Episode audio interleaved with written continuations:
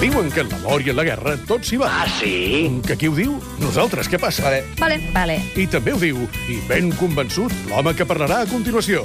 Que d'històries d'amor no ho sabem, però d'històries de guerra en té per parar un tren.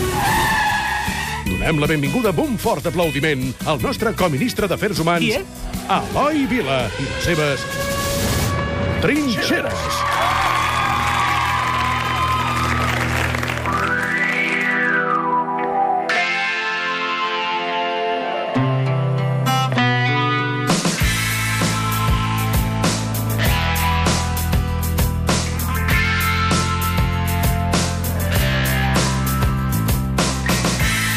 ...3 de gener de 2017 s'estrena oficialment Eloi Vila, el nostre coministre d'Afers Humans. Eh, gràcies per ser aquí amb les seves trinxeres. Per cert, diguem-ho clar, és a dir, hi haurà un programa a TV3 aquesta temporada que començarà a finals de gener, principis de febrer, que es diu Trinxeres. Correcte. I el presentes tu i el Carles Costa. I el Mar Juan. És una aventura de tres. I què feu? Recorrem l'últim front de la Guerra Civil a Catalunya, des del Pallars fins a l'Ebre.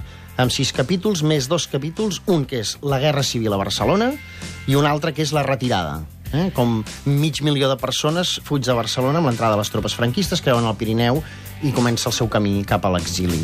I això el que busquem, doncs, és què queda de la guerra 80 anys després. El territori i entre la seva gent. I històries al·lucinants, no? Històries al·lucinants, històries humanes al·lucinants, testimonis, gent de 96, 97, 98, 99, 100 anys, tot tenim un testimoni de 100 anys que expliquen com van viure aquells 3 anys dramàtics, eh, com milers i milers de ciutadans en aquest país. Doncs això ho podreu veure al Trinxeres a finals de gener, principis de febrer a TV3 i aprofitant també, i tenim l'Eloi Vila aquí fent Trinxeres a Catalunya Ràdio, a l'Estat de Gràcia, explicant-nos altres històries de la Guerra Civil, altres històries humanes, i cada dia ens anirem a una època diferent, concreta, des del 36 fins al 39. Correcte, sí. Avui comencem al juliol del 36. Sí, porta una història eh, d'amor relacionada amb la guerra, però en aquest cas d'amor a uns ideals. És la història del The Clarion Cycling Club.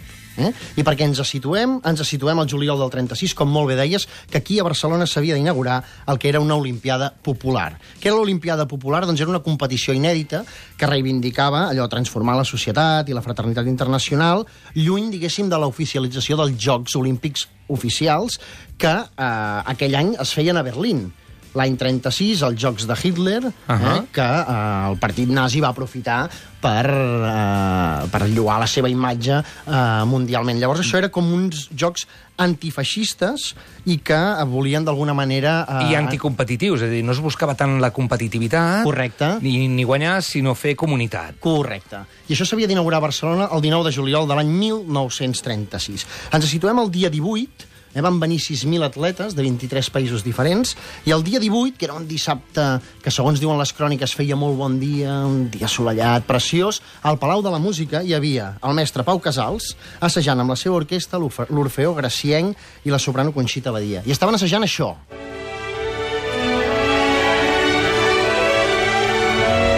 Us sona, no? Sí. Eh? La novena sinfonia de Beethoven, l'himne de la joia, l'himne de l'alegria, dieu-li com vulgueu. I l'estaven assajant perquè l'endemà havien d'inaugurar amb un concert al Teatre Grec aquesta Olimpiada popular, aquestes Olimpiades antifeixistes. Però, a mig assaig, apareix un emissari de la Generalitat i els diu pareu un moment, mestre, pareu un moment l'assaig, fem silenci, perquè eh, hi ha hagut un cop militar hi ha hagut un cop militar que a les dues del migdia ha triomfat a Sevilla. Per tant, això té molt mala espina i veurem què passa. Els músics, eh, angoixats, s'adrecen al mestre Pau Casals, diuen, mestre, què fem? Pau Casals es queda uns moments callat i els hi acaba dient, com que això es complica, com que probablement demà no podem trucar junts, com que el que heu de fer vosaltres és anar-vos a casa, anar-vos a casa vostra, el que vull és que toquem per última vegada plegats l'himne de l'alegria, l'himne de la joia, la novena sinfonia de Beethoven al Palau de la Música.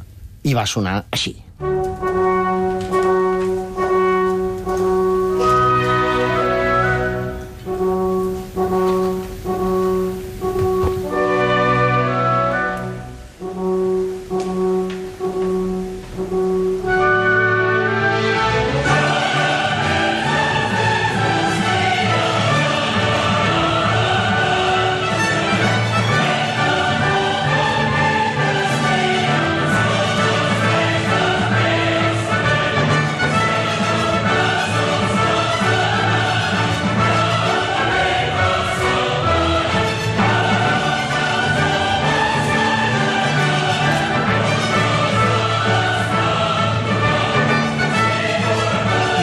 tocar l'endemà, no van poder seguir assajant, la guerra els va separar tots. Sí, perquè l'endemà, la matinada del 19 de juliol, el cop arribava a Barcelona eh, i les milícies eh, anarquistes i, diguéssim, que les forces lleials a la Generalitat van aturar el cop dos dies de combats pels carrers de Barcelona. Eh, no va poder tocar l'orquestra de Pau Casals, aquest himne de la joia, no es va poder inaugurar l'Olimpiada Popular, començava una guerra de pràcticament 3 anys.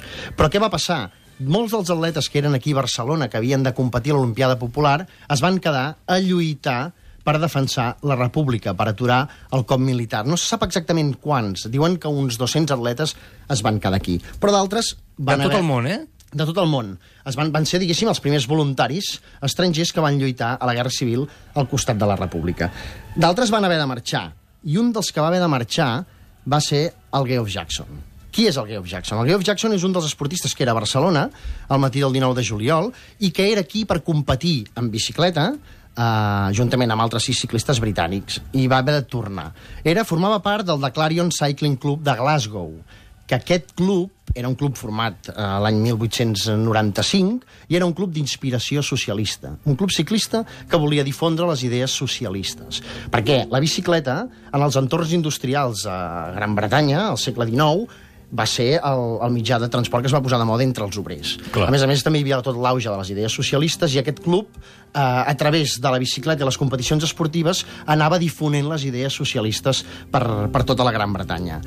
El, el Geoff Jackson se'n torna al seu país i dos anys després, l'any 1938, ju juntament amb un company seu, el Ted Ward, decideix que han d'anar des de Glasgow a Barcelona en bicicleta, anar-se aturant a tots els pobles i anar fent eh, conferències explicant el per què del seu objectiu, que no és altre que recaptar diners i donar-los a les famílies dels nens que estaven patint la Guerra Civil.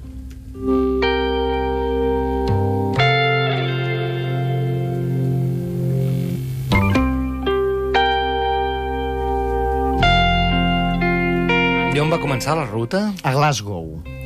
Van anar en bicicleta de Glasgow fins al sud d'Anglaterra, van creuar l'estret de Calais i després van baixar per França, van creuar els Pirineus i es van plantar a Barcelona, fent conferències, explicant el que van viure ells a Barcelona el juliol del 36, el que estava passant a l'estat espanyol, el que estaven patint milers i milers de ciutadans, nens, infants, que estaven patint una guerra i recaptant diners a través de xerrades seves. Volien recaptar... Amb quin els- objectiu? l'objectiu donar-los a beneficència per ajudar aquests nens que tenien ferides de guerra, que s'havien quedat orfes, eh, que tenien moltes dificultats per culpa de la guerra.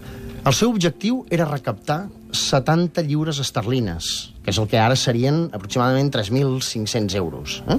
3.500 euros.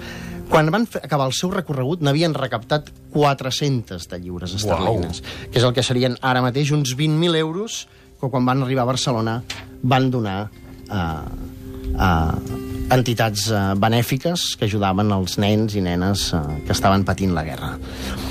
Per què van fer això?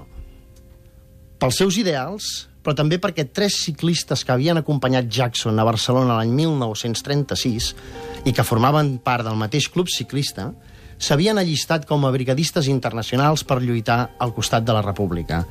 Un d'aquests era Raymond Cox, que el 15 de desembre de 1936, al front de Madrid, va morir. De fet, va ser el primer de tot el grup que va caure, que va morir a, a la Guerra Civil. Tenia Parlant de 22 nanos, anys. Això t'anava a dir, nanos molt joves. 22 anys 22 tenia, anys. Raymond Cox. Va venir per l'Olimpiada Popular, es va quedar aquí a lluitar i amb 22 anys Es va morir. allistar després com a brigadista internacional, l'envien al front de Madrid per aturar eh, la- l'intent dels franquistes de conquerir Madrid a l'inici de la guerra i allà al front mor abatut amb 22 anys. Raymond Cox. Un altre dels companys eh, del club ciclista de Glasgow era Tom Oldershaw. I va morir un combat, en aquest cas, al front d'Aragó, a Belchite, una ciutat massacrada també per la guerra, Sí, senyor. al març de 1938. El meu avi va ser Belchita. Lluitant. Sí. Sí, sí. I t'ho va explicar? Li costava molt parlar d'això. Era dels que callava. Sí. Li, pregu gent- li preguntaves, li estiraves, però et deia noms, et deia llocs, però no et donava detalls.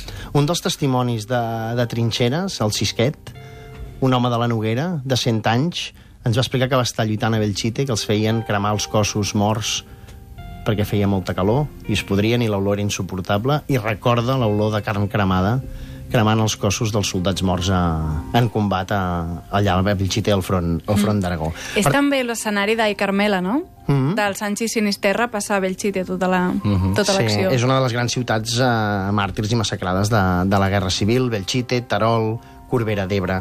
Doncs un dels tres ciclistes morts i que formaven part del, de Clarion Cycling Club era Tom Oldershaw, que mor a, a Belchite. Per tant, tenim Raymond Cox, Tom Oldershaw i Roy Watts, un tercer eh, esportista que va acabar morint lluitant al costat de la República. Va morir amb 23 anys, en aquest cas al front de l'Ebre, al setembre de 1938, cap al final de, de la batalla. Watts, molt poc abans de morir, va escriure una carta als seus amics i els deia això.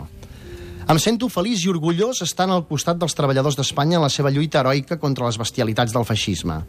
No tenim res en comú amb els feixistes, que glorifiquen la mort com a ideal. Nosaltres estimem la vida i, precisament com que l'estimem, no dubtem a sacrificar-la per salvar la humanitat dels enemics de la vida.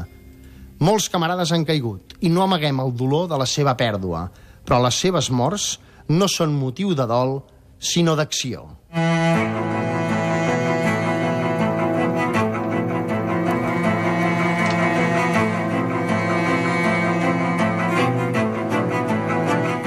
Recapitulem. Uh, Geoff Jackson és un dels esportistes que era a Barcelona el matí del 19 de juliol del 36 per Correcte. competir amb la seva bicicleta juntament amb altres sis ciclistes britànics, però amb el cop militar se'n torna a casa a Glasgow. Uh -huh. I queden aquí a Barcelona i a Catalunya tres companys que moren, Raymond Cox, Tom Oldershaw i Roy Watts, en diferents moments de, i en diferents punts de la batalla. Ell torna a l'any 38 fent aquesta ruta des de Glasgow fins a Barcelona recaptant diners de, uh -huh. per uh, beneficència. Un cop arriba aquí, ell... Recapten molts més diners dels que Sí. s'esperaven, molts més, o sigui, Sí. quatre vegades més del que s'esperaven, 400 lliures esterlines, el que ara serien 20.000 euros, i els donen a beneficència. I ell es queda aquí? No, ell se'n torna, a... ell se'n torna a Glasgow. He de dir que el The Clarion Cycling Club, amb les seves idees, amb els seus postulats ideològics de defensa del món obrer, eh, continua existint.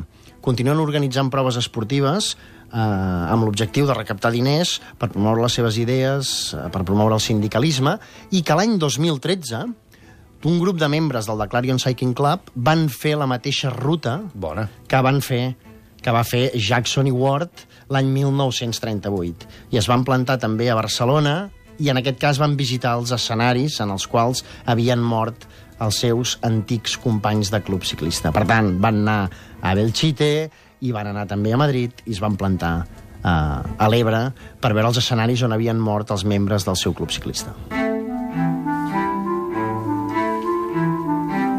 Aquesta és una de les moltíssimes històries del Trinxeres de, que podreu veure a TV3 a finals de gener, principis de febrer, i que sentireu aquí també en exclusiva algunes històries que no sortiran al programa de televisió, Sí. però que les tindrem aquí amb l'Eloi Vila. Clar, eh, aquesta és una història d'un dels esportistes, però tants d'aquells esportistes que van venir a l'Olimpiada Sí. Popular que van morir al front. Mira, te'n puc explicar una altra, una jugadora de bàsquet francesa, la Carmen Crespo, que també se'n va haver de tornar a França i el va impactar tant el que va passar aquí a Barcelona, el que va viure a Barcelona, i per lluitar contra el feixisme va venir, es va llistar com a miliciana i se'n va anar a lluitar al front d'Aragó i també juraria que tenia 22 anys i també una bala eh, la va abatre al front, al front d'Aragó. Sí. Com et quedes tu amb, aquesta, amb totes aquestes històries que has anat descobrint amb el Trinxeres? Eh, Bueno. se't, se't regira tot o no? Sí, se't regira tot, et quedes molt frapat, sobretot et quedes frapat eh, quan algú te les explica en primera persona. Quan, eh, quan tu coneixes històries que hi ha una certa distància i que qui te les explica, doncs, eh, en té uns records, a tu t'acaben impactant molt. O sigui, quan et permet entrar-hi a través de la primera persona, et quedes molt impactat. Més que res perquè te n'adones que 80 anys després el record és molt viu, i sobretot és el record viu de, de coses molt concretes, no? Abans explicava la història, una olor, no? molt forta, no? l'olor de carn cremada. No? Un altre té el record de, de no haver disparat cap tret, gent que ens ha explicat jo no, no, no, vaig anar al front però no vaig matar ningú perquè no volia disparar cap tret. No volia matar ningú, no? I, i en canvi va haver d'aguantar molts i molts trets. Històries d'un company, eh, un grup que se'n van anar tres amics a la guerra i, i el primer dia entrant en combat eh, mor eh, un dels amics, no? Quan ell surt precisament de la trinxera i cau un, un morter en aquella mateixa trinxera i li mata un amic, no? Uh, clar, aquestes històries t'impacten molt. I, sobretot, acostar-t'hi 80 anys després, amb, el, amb la distància que et donen aquests 80 anys, uh -huh. uh, a tu et permet veure-ho uh, des d'una certa perspectiva, però te n'adones que, que la gent que ho ha viscut continua recordant concretament moltes coses. El que també te n'adones és que els hi has d'estirar, no? Allò que deies el meu avi, no me'n va parlar, va callar molt, no? Doncs molta gent va callar. Va callar primer perquè quan va acabar la guerra van haver de viure 40 anys de dictadura i per tant els que van lluitar al costat de l'exèrcit republicà van patir Clar. la por d'una possible repressió i la repressió que van patir Home, moltes altres és persones. que quan va acabar la guerra van passar moltes coses. Vull dir, el meu avi va, va tornar del front, se'n va anar a Argelers, o sigui, se'n va anar a França, a un camp de concentració. Després del camp de concentració, a mi això és una cosa que em va frapar moltíssim. Va tornar i va haver de fer el servei militar nacional. Sí. O sigui, ell havia fet servei militar republicà, la guerra, i quan torna del camp de concentració l'obliguen a fer el servei militar. Un altre cop, I que hauria estar-hi quasi 3 anys més. I, i amb les condicions en les que va estar. És a dir, era un roig i un comunista, és a dir, eh, massacrat cada dia. Uh -huh. Sí, eh, vol dir que es van passar la seva joventut pràcticament 7 anys de la seva vida en un entorn militar, tres dels quals a primera línia de front en una guerra, no? O sigui, la joventut a prendre pel sac, per dir-ho clarament. Trinxeres, seran històries, històries molt potents. No sé si n'hem tingut prou de Guerra Civil o si s'ha explicat prou la Guerra Civil. Encara queda per explicar, no, Eloi? Jo crec que s'ha explicat eh, molt des de, amb diferents formats. S'ha explicat molt amb el format documental. El nostre és un format molt d'aventura, que és això d'aproximar-te a la guerra 80 anys després a través d'una aventura personal de tres tios que, que caminem per un front. Que busques, això, vestigis, no? trinxeres, llocs on van passar concretament les coses, igual encara en queden, encara en queden marques. Barcelona està ple de ferides, de cicatrius de la guerra civil, eh? que, que descobrirem en el, en el programa, però sobretot jo crec que és la gran última oportunitat per parlar amb gent viva de la guerra. O sigui, Sí, senyor, clar, clar, sí, clar, clar. És, és, és gent que està voltant els 100 anys Absolutament. i, i n'hem trobat molts, però crec que estem davant de la darrera o una de les darreres oportunitats. I nosaltres a l'Estat de Gràcia tenim el plaer i l'oportunitat de tenir trinxeres també en exclusiva, ja ho sabeu, aquí cada dimarts. Eloi, ha estat un autèntic plaer. El plaer ha estat meu, Tornaràs, no? quan vulgueu. Molt bé, recupera't, que vas una mica coix, no el veieu, però bé, amb crosses avui, ha vingut arrossegant-se, fent un gran esforç. Moltes gràcies, Un accident de trinxeres.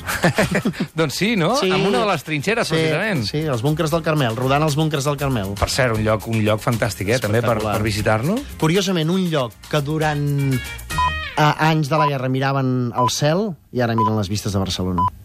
Fins ara.